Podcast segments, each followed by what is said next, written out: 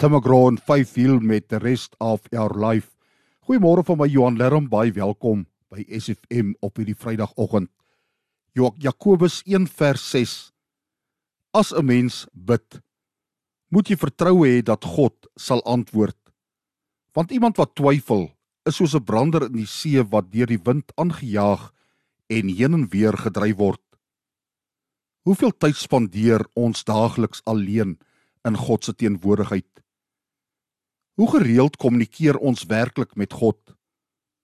Ons Here Jesus Christus is vir ons die perfekte voorbeeld. In die nag of in die vroeë oggendure het hy eenkant toe gegaan om alleen met sy Vader te praat. Hy het gereeld gebid. Gebed is ons belangrikste bondgenoot. Ons moet gereeld bid en ons harte voor God uitstort. Gebed gee ons nie net vrede in ons gemoed nie, maar gee ook uitkoms. Ons verlede is die bewys daarvan hoe God keer op keer tot ons redding gekom het.